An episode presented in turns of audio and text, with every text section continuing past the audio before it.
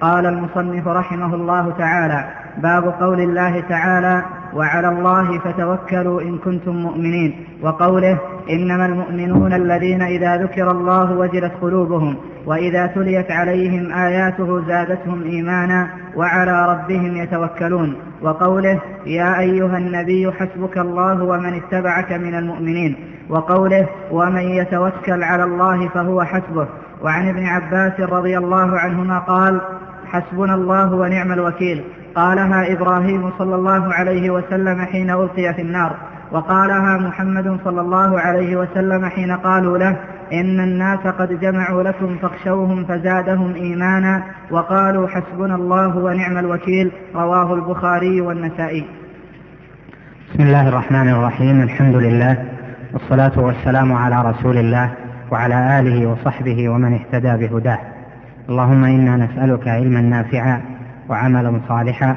اللهم نور قلوبنا بطاعتك وألهمنا ذكرك واجعلنا من الشاكرين لنعمك المتبعين لشرعك يا أرحم الراحمين.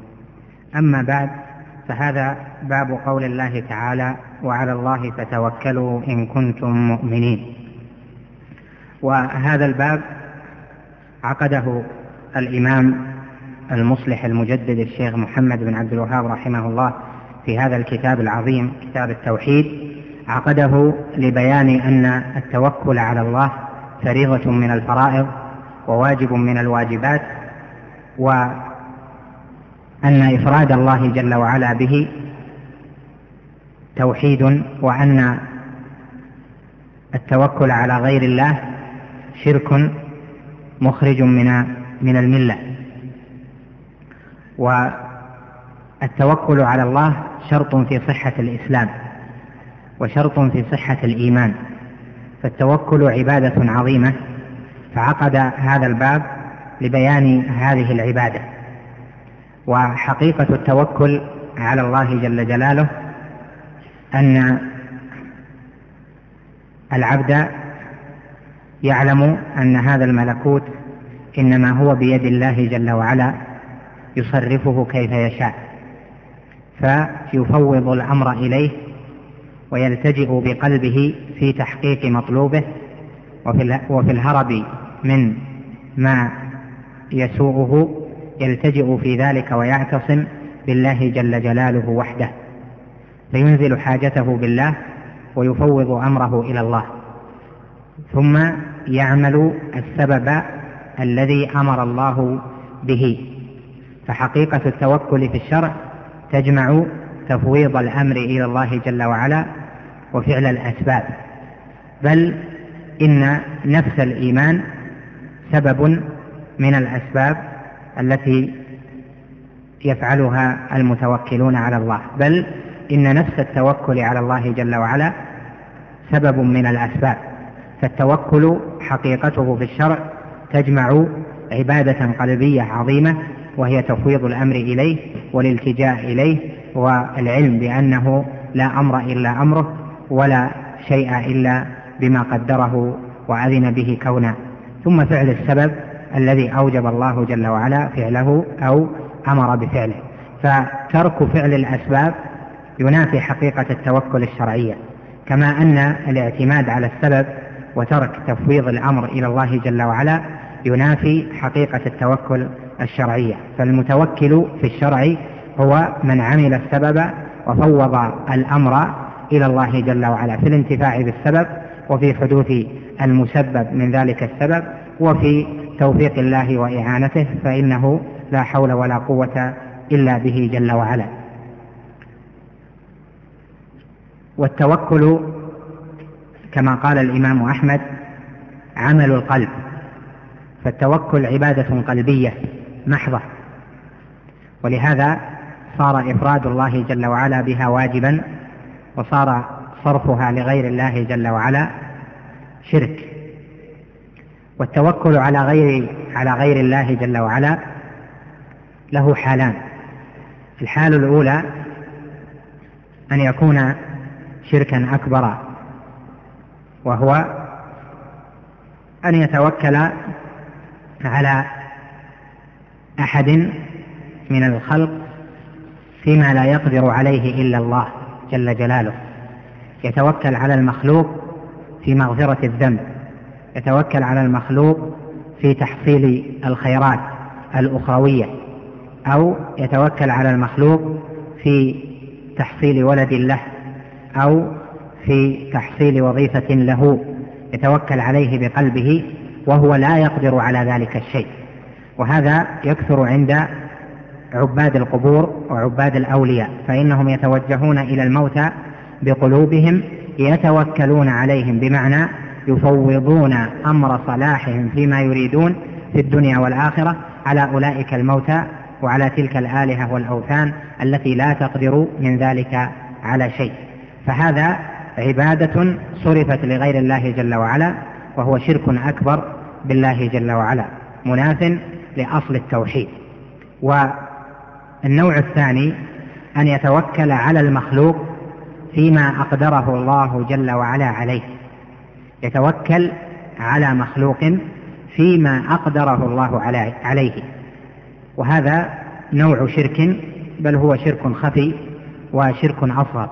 ولهذا قال طائفة من أهل العلم إذا قال توكلت على الله وعليك فإن هذا شرك أصغر. ولهذا قالوا لا يجوز أن يقول توكلت على الله ثم عليك لأن المخلوق ليس له نصيب من التوكل فإن التوكل إنما هو تفويض الأمر والالتجاء بالقلب إلى من بيده الأمر وهو الله جل وعلا والمخلوق لا يستحق شيئا من ذلك. فإذا التوكل على المخلوق فيما يقدر عليه هذا شرك خفي ونوع شرك أصغر. والتوكل على المخلوق فيما لا يقدر عليه المخلوق وهذا يكثر عند عباد القبور والمتوجهون إلى الأولياء والموتى. هذا شرك مخرج من الملة. وحقيقة التوكل الذي ذكرناه لا يصلح إلا لله جل وعلا لأنه تفويض الأمر إلى من بيده الأمر والمخلوق ليس بيده الأمر. التجاء القلب وطمع القلب ورغب القلب في تحصيل المطلوب. إنما يكون ذلك ممن يملكه وهو الله جل وعلا. أما المخلوق فلا يقدر على شيء استقلالا وإنما هو سبب. فإذا كان سببا فإنه لا يجوز التوكل عليه لأن التوكل عمل القلب. وإنما يجعله سببا بأن يجعله شفيعا يجعله واسطة ونحو ذلك. فهذا لا يعني أنه متوكل عليه فيجعل المخلوق سببا فيما أقدره الله عليه ولكن يفوض أمر النفع بهذا السبب إلى الله جل وعلا. فيتوكل على الله ويأتي بالسبب الذي هو الانتفاع من هذا المخلوق بما جعل الله جل وعلا له من الانتفاع أو من القدرة ونحو ذلك. قال الإمام رحمه الله باب قول الله تعالى وعلى الله فتوكلوا إن كنتم مؤمنين. هذه الآية فيها الأمر بالتوكل ولما أمر به علمنا أنه من العبادة ولما قدم الجار والمجرور في قوله وعلى الله قدمه على ما يتعلق به وهو الفعل توكلوا وهو الفعل توكلوا دل على وجوب إفراد الله جل وعلا بالتوكل وأن التوكل عبادة يجب أن تحصر وتقصر في الله جل وعلا. هذا وجه الدلالة من الآية. ودليل دليل آخر في هذه الآية وهو قوله إن كنتم مؤمنين جعل الإيمان لا يصح إلا بالتوكل. قال وعلى الله فتوكلوا يعني أفردوا الله بالتوكل وحده إن كنتم مؤمنين فجعل الشرط إن كنتم مؤمنين فأفردوا الله بالتوكل. فجزاء الشرط هو إفراد الله بالتوكل. فصارت دلالة الآية من جهتين. وكذلك قوله جل وعلا في آية سورة يونس إن كنتم آمنتم بالله فعليه فعليه توكلوا إن كنتم مسلمين. قال فعليه توكلوا أفرد التوكل به جل وعلا وأمر به فقدم الجار والمجرور بما يفيد الحصر والقصر والاختصاص بالله جل وعلا ثم جعل إفراد التوكل به جل وعلا شرط في صحة الإسلام فقال إن كنتم مسلمين.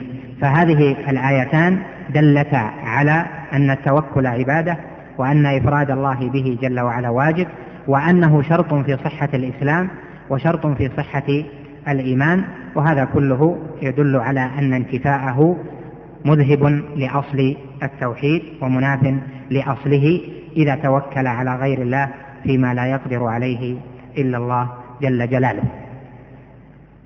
قال وقوله إنما المؤمنون الذين إذا ذكر الله وجلت قلوبهم وإذا تليت عليهم آياته زادتهم إيمانا وعلى ربهم يتوكلون. وجه الدلالة من الآية أنه وصف المؤمنين بهذه الصفات الخمس وآخرها قوله وعلى وآخرها قوله وعلى ربهم إنما المؤمنون الذين إذا ذكر الله وجلت قلوبهم وإذا تليت عليهم آياته زادتهم إيمانا وعلى ربهم يتوكلون. وظاهر من دلالة الآية حيث قدم الجار والمجرور على أنهم أفردوا التوكل بالله جل وعلا.